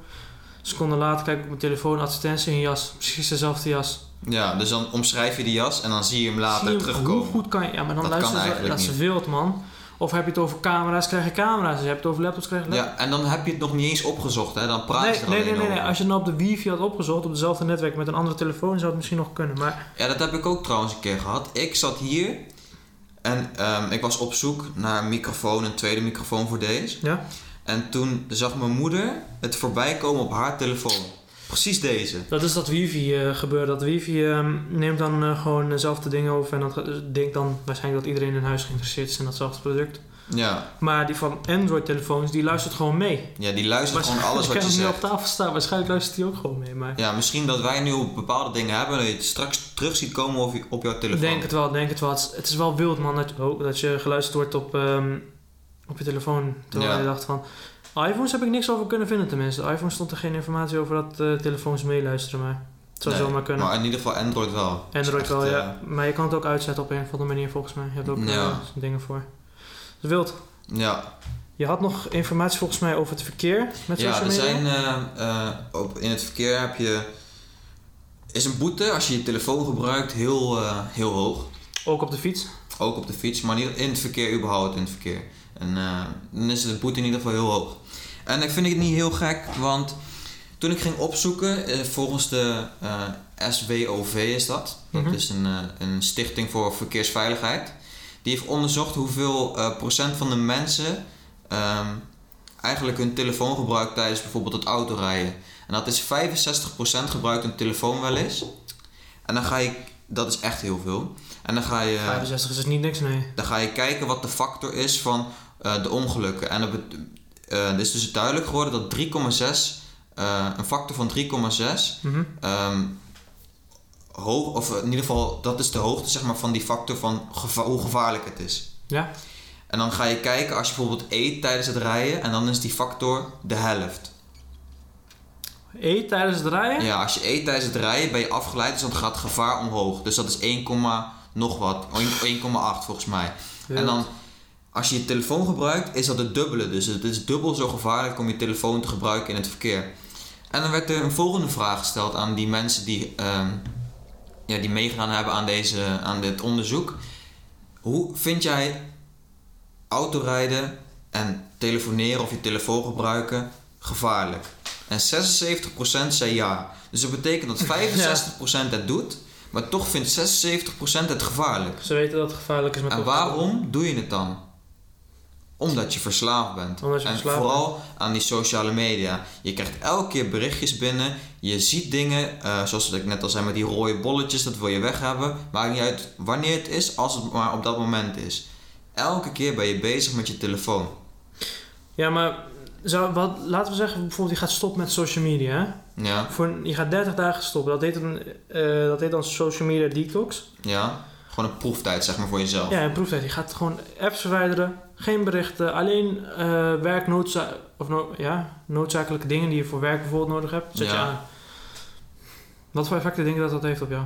Nou, ik denk heel goed. Maar ik denk dat je wel eh, online, sociaal eh, minder betrokken bent met, met sommige mensen die je in het echte leven misschien niet zo zien. Maar ik denk dat het voor jezelf, mentaal, wel goed is. Ik heb gisteren dus dan een video gekeken van eh Nicholas Crystal, dat is een YouTuber die, die doet film maken en dat soort dingen. En die eh, dacht, ik ga het even proberen. 30 Mhm. dagen. Die heeft andere YouTubers zien doen, dus die dacht, ik ga het ook even doen. Stop dus 30 dagen met eh, social media. De eerste paar effecten, ja, hij had echt moeite. Hij had afkikverschijnselen, laat maar zeggen. Ja, omdat Dus je elke keer naar zoiets wil grijpen. Ja, dus Ja. ging hij... wat ging hij ook weer doen? Hij had gewoon... Het moment dat hij in zijn kamer zat, niks te doen. Dus hij was niet productief geworden. In de eerste paar weken was hij gewoon... Eigenlijk niks opgeschoten. Mhm. Nou, dan gaan we door naar de derde en de vierde week. Die man begint opeens productief te worden. Want hij moest nadenken, wat ga ik doen? Ja, Want als ik geen social media, wat moet ik doen? Begon boeken te lezen. zoeken. Begon naar buiten te gaan. Hij begint, weet je wat hij doet? Hij gaat 30 minuten in de ochtend lopen zonder muziek, zonder iets. Ja, Hij voelde zich meer present, meer in de tijd, meer in het Ja. moment. Terwijl nu, valt je niet op dat tijd gewoon heel snel voorbij gaat? ja, en vooral als je op je telefoon zit. En dat komt gewoon omdat je maar blijf scrollen. Je hebt het leuk, dus de tijd gaat sneller voorbij. Ja, Maar niet alleen dat, maar het is gewoon... Omdat je verslaafd bent, gaat sowieso tijd sneller voorbij. Maar dus de tijd ging... eh, hij had meer eh, eh, controle over zijn tijd. Hij kon beter indelen. Hij was productiever. mhm. Normaal post hij per week één video. Kon hij in één week twee video's dit keer posten. Omdat hij social media had geblokkeerd. ja. En... ehm, oh ja, hij, hij stopte met vergelijken. Zichzelf vergelijken met anderen. Dat is een hele slecht effect van ja, social media. dat is echt een, eh, een eh, heel eh, bekend iets ook. Nee, dat is echt een probleem, want mensen gaan zichzelf vergelijken terwijl niet al het slechte van die persoon op social media komt. Nee, dat, dat is precies wat we net al zeiden. Mensen, vooral influencers, laten alleen maar de goede kant zien van hun leven en niet de slechte kant. En uiteindelijk zijn resultaat was van ja, ik ben uiteindelijk gelukkig geworden. Ehm, ik heb beter contact met mijn vrienden. Mhm. Dat is ook een probleem, hè? contact met je vrienden. Want omdat je met social media contact hebt, je ziet foto's van hun, dan heb je minder behoefte aan om, eh, fysiek die, contact. ja, om echt bij diegene te Om zijn. echt bij degene te zijn. Dan zit je meer gewoon van ja, ik zie hem toch wel. ja. Mensen begonnen gewoon te bellen. Dat was, eh, hij had een betere bond met zijn vrienden, met mensen om zich heen. ja. Maar het was wel in de eerste twee weken was hij nog bij zijn ouders. En pas derde en vierde week ging hij naar Berlijn volgens mij. Ja. In een eh, kamer wonen. Dus hij was alleen. En eh, Ja, maar het, ding is, dit is natuurlijk wel heel extreem en heel veel mensen gaan dit natuurlijk niet doen. Maar ik heb wel een aantal tips om jou in ieder geval jou, eh, ja, jou om te minderen om op sociale media te zitten. Post gewoon minder, zet open gewoon minder je telefoon, zet die notificaties uit. Want elke keer dat jij een notificatie ziet, wil jij die openen. Ja, Dat is gewoon automatisch iets. Ehm, zorg ervoor dat je geen dat je je telefoon niet als wekker gebruikt. Koop gewoon een wekker, leg je telefoon weg. Maak een afspraak voordat je gaat slapen dat je bijvoorbeeld om 10 uur je telefoon weg doet gewoon, maar dat is puur voor jezelf en niet omdat het als straf is, maar Nee, voor nee, nee. jezelf. Gewoon leg hem weg, kom tot rust, kom tot jezelf, ga lezen. En het is ook ehm, als je je telefoon niet bru- gebruikt voor het slapen gaan, ga je ook veel beter slapen en val je veel sneller in slaap. dat is dat eh, blauw lichteffect volgens mij. Ja, dat ja. Maar in ieder geval, dat is een, sowieso een tip. En dan elke keer als je dat bijvoorbeeld, je legt hem om 10 uur weg. Ja. En dan ga je hem daarna, ehm, zet je gewoon je wekker. Dus je wordt gewoon om 8 uur wakker of om 7 uur. En dan sta je gewoon op. En dan moet je gewoon zorgen dat je gaat ontbijten zonder dat je telefoon nog gepakt hebt. Ontbijten, klaarmaken en dan pas pak je je telefoon om naar je werk of naar je school te gaan. En dan ga je hem pas gebruiken. Dat is al, Dan verminder je het al misschien vermin met je het al eh, heel erg, terwijl je niet 10, eens... 20 procent denk ik. Ja, terwijl je niet eens. Ja, eigenlijk. Want wanneer, heb je s'avonds nou, voordat je gaat slapen, gaan je telefoon nodig? Heb je in de ochtend je telefoon nodig? Je moet je klaarmaken voor waar je naartoe gaat. Je hebt je telefoon niet nodig. En je, eh, zou ik wat zeggen? Ik denk als je dan in de ochtend gewoon niet eens je telefoon gebruikt, dat je bewust gaat ontbijten. Ja, is ook zo. Dat maar dat je bewust bent van het moment waar je in eh, leeft. Nee, maar eh, je had nog een. Terugkomt op die detox, je had ook nog iets anders. Met vergelijk had ik het over bijvoorbeeld. Mhm. Er is dus ook een syndroom blijkbaar die je door social media krijgt. Een syndroom, ja? Eh imposter syndroom heet dat. ja. En eh, een vrouw genaamd Pauline Rose Clance, dat is een psycholoog, die heeft er onderzoek naar gedaan. Dat is, syndroom houdt eigenlijk in dat je gewoon eh, jezelf nooit goed genoeg vindt. Ja. Dus alvast met vergelijk heeft het een link, denk ik. Mhm. Je vindt jezelf nooit goed genoeg. Wat heeft zij getest? Zij heeft iedereen... eh, er zaten studenten die hadden allemaal hoge cijfers. Maar toch vonden die studenten gewoon... Omdat ze, eh, ze kregen social media, ze konden zichzelf vergelijken met anderen. Ja. Vonden studenten toch gewoon dat ze niet goed genoeg waren voor de universiteit. Want op de beelden die ze mochten krijgen, of die ze kregen, zagen ze dat iemand anders het beter deed. Terwijl ze gewoon allemaal een 10 hadden of eh, een A++ zoals in Amerika is. Mhm. Vonden ze nog steeds gewoon van, ik ben niet goed genoeg. En dit effect, ik denk dat het echt gewoon een groot probleem is en ook nu gaande is. Dat Ja. mensen denken van, ik ben niet goed genoeg. Als ik een design maak bijvoorbeeld, met Photoshop en dat soort dingen, dan denk ik, nee, dat is niet goed genoeg. Maar dat is. Als jij ernaar kijkt, dan zou jij zeggen, wow, dit is vet. Ja, maar het, is, eh, het kan ook weer averechts werken. Dus het kan ook weer positief werken. Van jij, ehm, als, je, als, je met, als je een goede mindset hebt en je, en je vindt dat het niet goed genoeg is omdat je het ergens anders beter hebt gezien, probeer je er alles aan te doen om het zelf nog beter te doen. Ja. En dan is, dan is het een Dan- positief dan is het effect. positief. Maar dan moet je mindset moet wel goed zijn, Nee. scherp zijn Ja. en je moet zelfvertrouwen hebben. Nee, niet En- iedereen heeft dat. Nee, precies. Niet iedereen heeft het en daarom is het een negatief effect. Ja, klopt. Maar ik vond wel, wil dat zo, ja, dat heeft een naam, maar ik wist wel dat het bezig was, dat syndroom. Ik wist wel dat het gaande was. Mhm. Tenminste, ik had het bij mezelf ook door. En toen bijvoorbeeld, eh, toen in het begin van het schooljaar, schooljaar toen ik dacht eh, van ik wil stoppen, heb ik ook gewoon een klein beetje mijn social media verminderd. Ging ik ook beginnen met boeken lezen. Dat is gewoon echt Ja, een, boeken lezen. Ja, dat ik is heb echt ook een waarde. aantal, ik eh, weet niet, ik, tot nu toe vond ik het echt gewoon niet leuk. Want ik ben dyslect, dus dan vind je het al helemaal niet leuk. mhm. Maar nu opeens, eh, ik weet niet, het begint wel wat meer eh, waarde voor mij te hebben. Dus ja, ook omdat je er veel, veel van leert. Je woordenschat gaat omhoog, maar ook eh, de dingen die je leest als je goede boeken hebt, eh, dan leer je er ook echt nog wat van. En ik denk dat je misschien wel meer leert dan op, op je telefoon. Zeker weten, want een boek is eigenlijk gewoon een. eh, bijvoorbeeld die eh, Think Big, Get Rich, volgens mij zo heet die boek. Ja, Dat is gewoon een boek waarin iemand zijn 40 jaar in één boek heeft gestopt. 40 jaar in één boek. mhm. Wat hij in 40 jaar heeft geleerd, leer jij even in een week. ja als je hem doorleest in ieder geval wel. Ja, als je doorleest. Maar dat is, dat is dus. Je moet je tijd beter opdelen. Ja, maar dat is wel een mooi iets eigenlijk. Want eh, social media is vooral. Het moet snel zijn. Je moet alleen maar doorklikken, doorklikken, doorklikken. En daardoor word je eigenlijk onrustig aan. leef je heel snel. Maar als jij gewoon een boek pakt, dan kom je eigenlijk even met je voeten weer op de aarde. En je gaat gewoon weer even gewoon rustig je eigen Even in het tempo. moment. Ja, je leeft in het moment.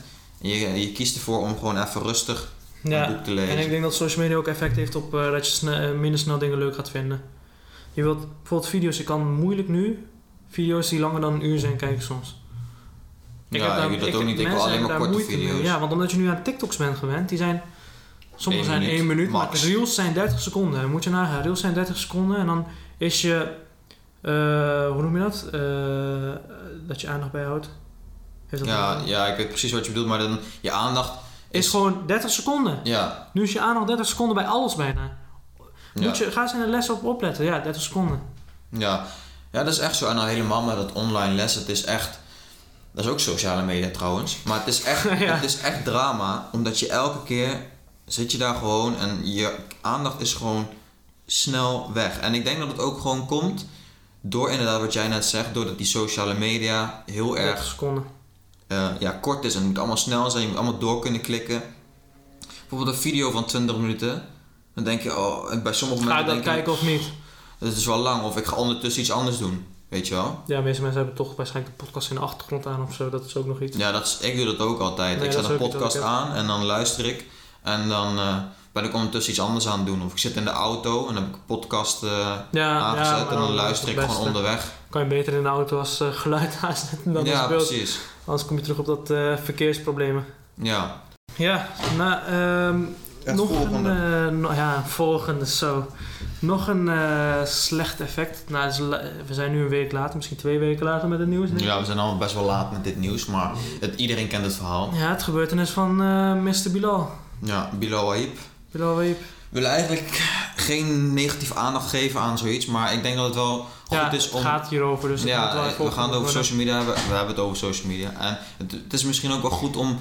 eh, Awareness te geven. Ja, en ook mensen op te laten letten van... Doe niet zomaar iets als iemand aan je vraagt.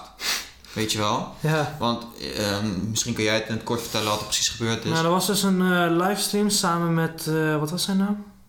Eh, Osama volgens Osama, mij. ja. Osama. Ik kan zijn naam niet uitspreken, maar er was samen met hem een livestream met Bilal en een jongetje die kwam in een livestream joinen. Nu is, dat is nieuw met Insta volgens mij. Nu heb je livestream, kan je met z'n drieën doen. Ja, met meerdere mensen in plaats Ja. van twee. Ja, in plaats van twee. En ehm, dus eh de jongetje werd eh, geld aangeboden om zijn uh, geslachtsdeel te laten zien. Ja, 17.000 euro. Heeft hij uiteindelijk Jongetje is laten... minderjarig. Jongetje is minderjarig, wordt gezegd 10, sommigen zeggen 12. Ik denk dat het 12 is. Ik heb ook 10 gehoord. Ja, zoiets zou het wel zijn. Maar Hij is geval- minderjarig. Ja, En, eh, gewoon een smerige actie eigenlijk. van Bilal, ja, niet Ja, van het vind kind. ik. Eh, dat kind Van Bilal, ja. doen. Van Bilal. Als je als kind 17.000 euro krijgt, dan zou je ook... eh, Ja, jij en ik zouden ook twijfelen. 17.000 euro, je bent 12 en je bent nog niet. Je, je, je moet beseffen dat je hersenen nog niet volgroeid nee, zijn. pas op je 21 of zo zijn ze pas volgroeid. Ja, dus je moet beseffen dat zo'n kind die denkt 17.000 euro, zoveel geld heb ik nog nooit gezien. Mhm. Daar zou Denk, ik hoef alleen maar dat te doen en het is toch niet zo bijzonder. Ja, dus, dus tijdens die livestream heeft hij zijn uh, geslachtsdeel laten zien. Uiteindelijk uh, werd, uh, kwamen ze achter dat hij minderjarig was. Kwamen ze erachter. Ja, ze wisten het al lang. Ze, het was van tevoren. Ja, Bilal die- wist het al lang. Osama had het van tevoren al gezegd. Ja, Bilal deed alsof hij het niet wist. Nou, ja. Als jij geen verschil kan zien tussen 18 en 12, dan mag En hij zei ook nog, of tenminste later werd bekend dat hij het als grap bedoelde om zijn uh, geslachtsdeel te laten zien. Dus met zijn ogen te laten kijken, weet je wel. Dat was volgens hem de grap. Maar ik zie de grap daar dan niet eens van in. Nee, het is een echt een Het mis- is geen grap. Nee, het is geen grap, maar En helemaal niet als je geld aanbiedt. nee, ja, dat is dus het probleem. Hij werd eh, uiteindelijk aangeklaagd, hij moest naar de rechter gaan. En bij de rechter gaven ze aan van, eh, kwam hij vrij toch? Hij kwam uiteindelijk vrij. Ja, dat slaat hij ook helemaal nergens op. ik denk niet zijn geldboete gekregen. Maar de reden daarvoor is, omdat het, het is niet officieel kinderporno. Daar valt het niet onder. Het valt onder iets anders. Het valt pas onder kinderporno als het, ehm, als het lustgericht is. Dan pas valt het eronder. Ja, oké, maar ik zie het zo. Hij vraagt een kind om zijn geslachtsdeel te laten zien. Dat kind laat het zien op sociale media. Iedereen kan het zien. Iedereen bekijkt het. Het staat op beeld. Het is opgenomen. En daarom zie ik het in mijn ogen wel als kinderporno. En het is gewoon smerig dat zo'n gozer dat doet. En kijk, als je even terugredeneert naar die grap Mhm. die, die hij zo bedoelde. Waarom bied je dan geld aan? Dat, is dan, dat heeft niks met die grap te maken. Dus het is gewoon pure bullshit dat het een grap was. Het is gewoon, je biedt geld aan om iemand te laten doen. Ik vind het echt schandalig. Ik kan echt heel dat boos is, om Dat is worden. echt de slechtste grap van social media dit jaar. Dus je laat een kind zoiets doen en je belooft hem geld. En vervolgens geef je dat geld niet eens aan die jongen. En vervolgens zeg je ook nog van ja, ik wil hem wel 2000 euro, eh, hoe heet dat? Ja, maar 2000 euro... schadevergoeding Nee, betalen. nee, maar 2000 euro gaat niet die ding uit eh, internet halen. Van Nee, internet maar dat is het probleem niet. Eerst zegt hij van ik wil dat geld geven. Ik geef je geld als je dat doet. Vervolgens geeft hij het niet en daarna zegt hij ik wil schadevergoeding geven. Komt De enige manier om dit op te lossen is door eh, voor hem hè, door flinks excuses aan te bieden bij elk programma waar hij kan zitten. Als die, als die mensen hem überhaupt willen hebben. Dan Ja, snap ik ook maar dat ze niet willen. ouders willen dat hij niet En- in beeld komt. Nee, precies. En het geld geven. Het geld geven is het minste wat hij kan doen. Nee. Gaat hij sowieso niet doen, maar dat is het minste wat hij maar kan ik doen. zou het geld ook niet geven, dan valt het wel weer... Dan, dan vind ik het wel onder kinderporno vallen. Maar de belofte is belofte toch? Jij zegt je doet dit en dan doe ik dat voor jou. Doe het dan ook. Geef het geld dan. Dat is het minste wat die jongen eraan over kan houden. Het Ja, maar enige dat- wat hij eraan overhoudt is een, is een slechte naam, een schande. En dat hij zichzelf alleen maar. eh, Ja, maar als je geld gaat krijgen, dan, dan denken andere kinderen... Oh, hij heeft uiteindelijk zijn geld gekregen. Hij heeft uiteindelijk wel iets bereikt wat hij wou bereiken. ja, maar iedereen ziet heus wel in. En dat is ook het probleem dat het, dat het fout is. Maar dat is ook het probleem. We moeten onze jeugd beschermen. En vertellen dat dit soort dingen echt niet kan. Dat het niet door de beugel kan. Dat we het niet moeten doen. En dat je jezelf gewoon moet beschermen in dat soort dingen. Ik, ik, nogmaals, de reden dat hij gewoon niet gestraft is... Het valt niet onder kinderporno, is niet lustgericht. En hij gaat waarschijnlijk... Dat is het probleem van ons rechtssysteem. Maar- Dat moeten ze echt gaan aanpassen. Want zo kan Ja. het niet doorgaan. Want het begint langzaam alleen maar op, gaat langzaam meer worden. Soort Ja, wat ook het hele incidenten. probleem is. Kijk, stel dat valt. eh, even buiten dat het onder kinderporno valt of niet. Het is een actie waarbij je een kind iets laat, wil laten, laten zien, weet je wel. Dus dat kan gewoon niet. En dan ga je. Dan, in mijn ogen is het gewoon pedofilie. Ja, En ik vind dat strafbaar. En hier in Nederland. nee, Dat is het hele probleem. Hier in Nederland heb je gewoon dat pedofilie, weet ik veel, twee jaar maximaal krijgt of zo. En dan mag hij gewoon weer in de samenleving wonen zonder dat iemand weet dat hij een eh zedeliquident is. Ja, maar dat, Houd toch op, dat man. kan niet. Nee, nee, klopt. Dat is wel een probleem. Maar Die hele rechtsstaat en die hele rechtssysteem moet veranderd worden. Die, eh, er moet een update Die- komen. ze moeten die straffen moeten ze omhoog gooien zodat het niet eh, meer mogelijk is of aantrekkelijk is voor pedo's om hun acties uit te voeren of überhaupt ermee bezig te zijn. Ze moeten gewoon hun rechten van, ehm, hoe heet dat? Die moeten gewoon helemaal, eh, die rechten van die ma- mannen of die mensen niet, maar ze moeten zorgen ervoor dat die ehm, dingen om kinderporno te verspreiden of dat soort dingen te überhaupt te doen, dat mag gewoon niet. Dat moet gewoon heel strafbaar worden. Dat is op dit moment niet zo. Het is gewoon aantrekkelijk voor hun om hier in Nederland te werk te gaan. Ja, maar wat ook het heftig is van nu op pedo's komt, de social media wordt er ook echt veel meer gebruikt. Ze zijn nu echt gewoon vrij om gewoon een meisje een bericht te sturen. Nu is het laatst Ja. strafbaar geworden om dickpics te sturen volgens mij. Nee, nee, het was volgens mij strafbaar geworden als jij ehm, volwassen bent en een minderjarig iemand een bericht te sturen zonder dat je elkaar volgt. Nee, klopt, ja. Maar dat, dat is dus nu wel gebeurd. Ja, maar ja. Ja, het is nog een bericht Het sturen. is sowieso goed, maar het is echt een heel groot probleem. Dat kan heb, gewoon echt heb je niet. van het opsporingsvideo's gezien dat mensen een uh, voordoen als eh, minderjarig en dan uh, berichten sturen? Ja, Krijgen hem zover om uiteindelijk naar een locatie te komen. En dan gaan op, ja, pedojagers heten die gozer. ja dan, eh, dan eh, krijgen ze een verdiende En dan loon. zegt de over... Maar- ja, Het ding is gewoon, die mensen zijn er omdat het rechtssysteem niet goed is. Als die mensen een passende straf krijgen, heb je die pedojagers hier niet. Nee, nee, nee, zeker niet. Maar Zeker weten. Maar Nederland is echt... Valt op dat Nederland heel, meer- heel veel meer pedo's heeft vergeleken met andere landen. Ik weet niet wat... dat zou best wel zou- kunnen. Ik, ik, weet, ik weet het niet. Ik Nee, hou me er ja. niet mee bezig, omdat misschien merken mensen wel. Ik word er echt een beetje... eh, ik kan er echt heel boos om worden als je eh, kinderen wat aandoet. En eh, ja, zulke mensen, ongelooflijk. Maar dat was... Heb je die... je had die documentaire wa- waarschijnlijk wel gezien van Danny. Go, Danny Gozen, Ja, ja, ja. ja, dat die man geïnterviewd werd. Dat die hem met pedojagers En mee. toen kwam er een argument naar boven van mensen die zeiden van... Ja, wat als ze hun gevoelens niet kunnen onderdrukken? Wat ga je dan doen? Hoe bedoel je, die mensen, die pedo's? Kunnen hun gevoelens niet onderdrukken? Ja, en een gesticht.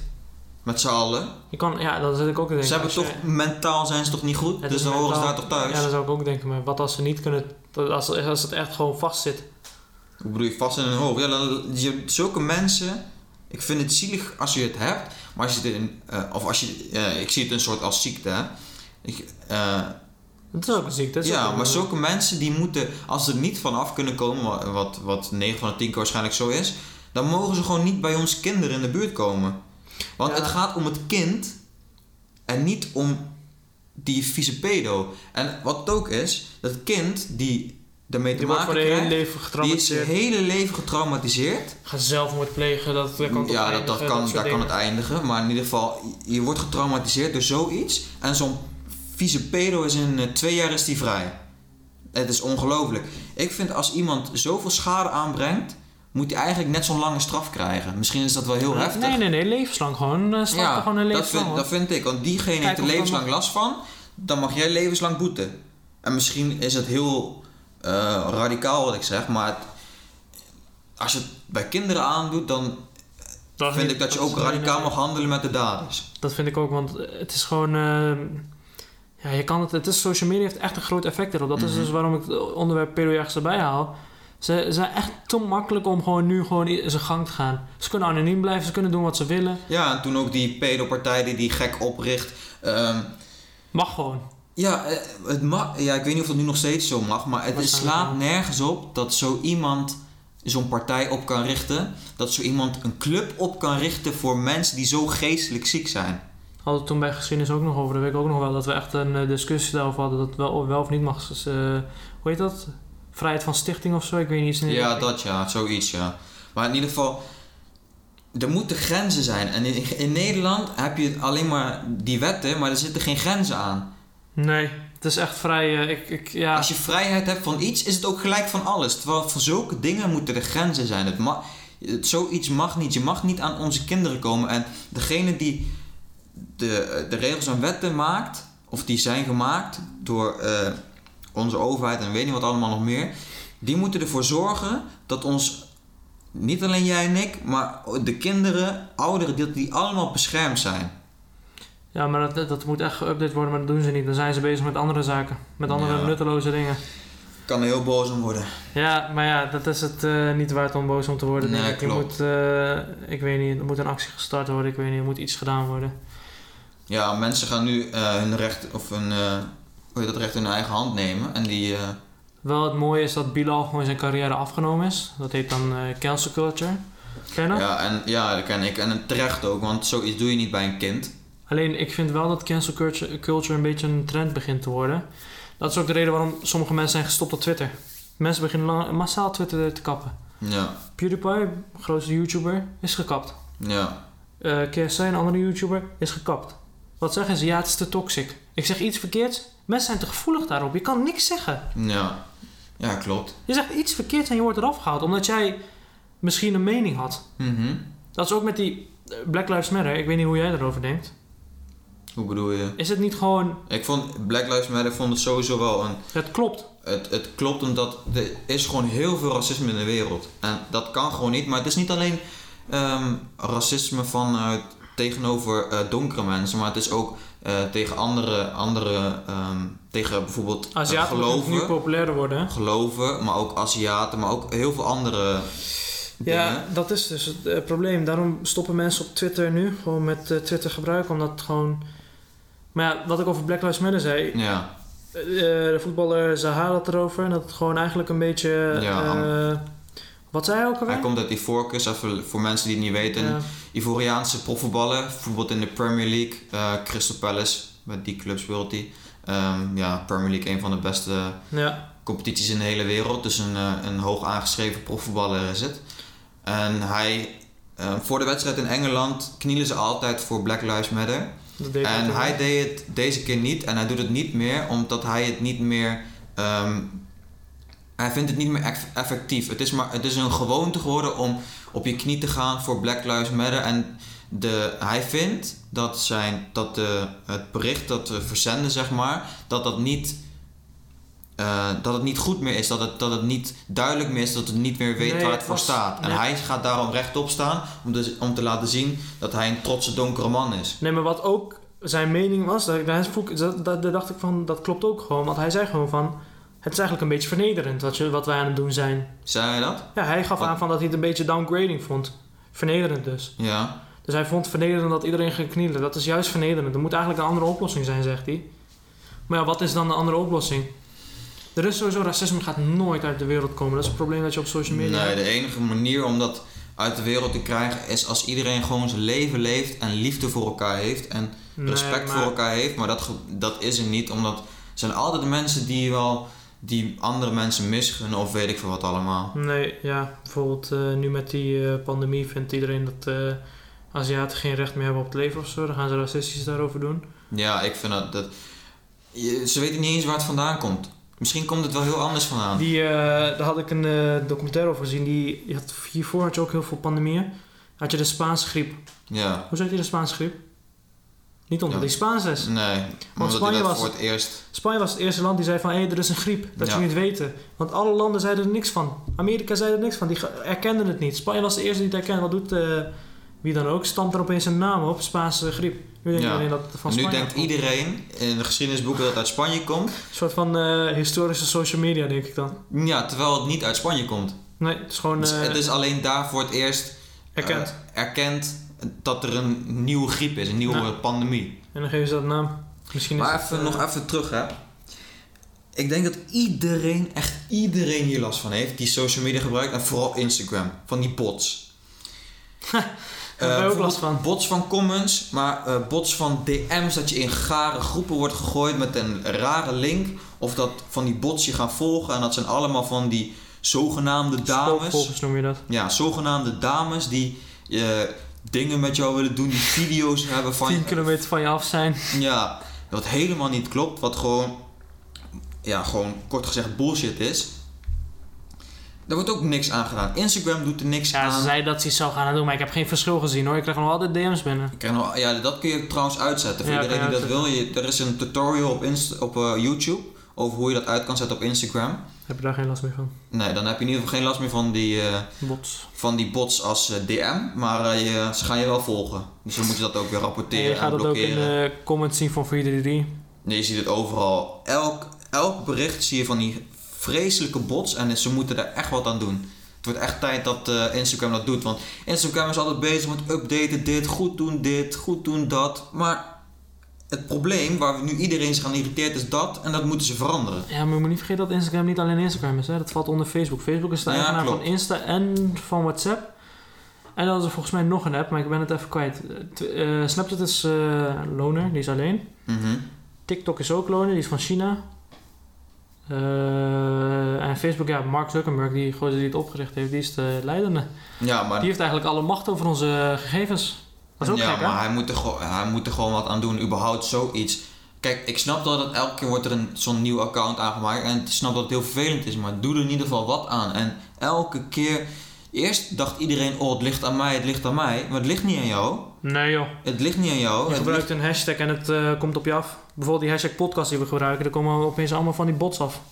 ja, precies, maar dat is nog niet eens het vervelende. Het vervelende is als je elke keer in zo'n eh, DM wordt, ge, wordt gegooid of als mensen je eh, van die rare accounts je gaan volgen. Ja. Dat is zo irritant gewoon. Ja, daarom moet je privé-account hebben. Maar ja, als je influencer bent. Ja, maar eh, even terug naar positief. We moeten ook nog even positieve dingen hebben over eh, sociale media. Want het negatieve hebben we nou al heel lang over gepraat. Nou, wil jij beginnen? Als ik het... eh, Ja, begin jij maar een keer over positiviteit. positieve factoren. Het heeft vooral positieve factoren voor marketing, ja, vind ik. werk. Werk heeft heel veel positieve factoren voor. Voor ons heeft het ook positieve factoren. Ja, Podcast promoten wij door eh, social media strategieën te gebruiken. Want ja, laten we eerlijk zijn, als social media er niet was, zou de eh, dan moet je het de mond economie zou echt eh, naar de Filistijnen gaan. Dat Ja, de al, marketing van ons. marketing van ons, van bedrijven überhaupt. Ehm, je kan heel makkelijk met mensen connecten. Mhm. Dus je kan heel goed connecties zetten die jou verder gaan helpen in het leven. Bijvoorbeeld met mijn design account. Ik kom in contact met eh, designers van uh, Fenerbahce Social Media, laat maar zeggen. Die hebben mij uitleg gegeven. Met hun kon ik praten. Ik kwam in contact met andere designers die designen voor andere bijvoorbeeld voetbalclubs. Die hebben mij geholpen. Ehm, je komt gewoon echt, je komt in met de wereld. Je kan andere mensen helpen via social media. Mhm. Dat vind ik echt een goede factor. Ja, Bijvoorbeeld, eh, eh, je kan een eh, GoFundMe starten, dat is gewoon dat je geld gaat doneren, dat soort dingen. Dat wordt allemaal mooi Ja. gepromoot, daar heb je nog. Ehm, je leert veel, ja. je blijft up-to-date, dat is ook een positieve factor. positief en negatief kan het zijn. Maar in ieder geval, als je je inlaat met, eh, met nieuws vooral, dan eh, kan het positief zijn. Niet alle nieuws is positief natuurlijk. Nee, want nieuws kan ook omgekeerd zijn, hè? Ja, het ook weer kan verkeerd ook, eh, binnenkrijgen. Precies. Maar jij? Ja, inderdaad, zoals je zegt, ehm, voor marketing is eigenlijk het beste social media, omdat iedereen op social media zit. Maar ik denk ook als jij ehm, een positief beeld wil geven naar jouw buitenwereld, dan moet je zelf ook positief zijn op social media. Maar als je ergens een, bijvoorbeeld een mening over hebt, moet je het ook kunnen geven op sociale media, zonder dat je er haat van krijgt. Maar het positieve is dat je gewoon, als je ergens mee zit, zoals nu bijvoorbeeld in de pandemie, Ja. niemand, je kan bijna niemand zien. Nee. Maar op social media kan je heel veel mensen bereiken met de dingen die je zegt, met de dingen die je typt, met de dingen die je doet. En als je het op een positieve manier doet, kan het een positief effect hebben. Nou, in het begin van de podcast hadden we het al over ehm, ja, die eh, donatie of die donor die we zoeken eigenlijk.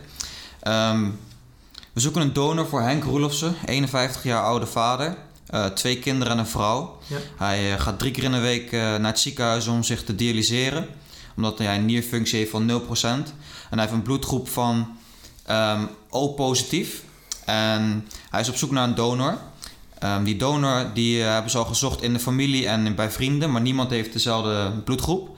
Dus dat is ehm, ja, balen eigenlijk. Dus via dit proberen we eh, een promotie te doen, een, een, een, een vraag te doen aan iedereen die dit kijkt of die dit luistert, om om je heen te vragen naar iemand met die, eh, met die bloedgroep. Om te zorgen voor een, om, om donor te worden van, van de, voor deze vader. Zodat hij eh, een mooi leven kan leiden. Ehm, en zodat hij eh, ja, voor zijn kinderen en voor zijn vrouw kan zorgen. En dat hij weer gezond kan leven. We zijn eh, te bereiken via DM mail en de mail van de desbetreffende persoon komt ook in de Ja. caption te vinden. Je kan ons altijd een bericht sturen erover via alles, via sociale media, alles kun je een bericht sturen.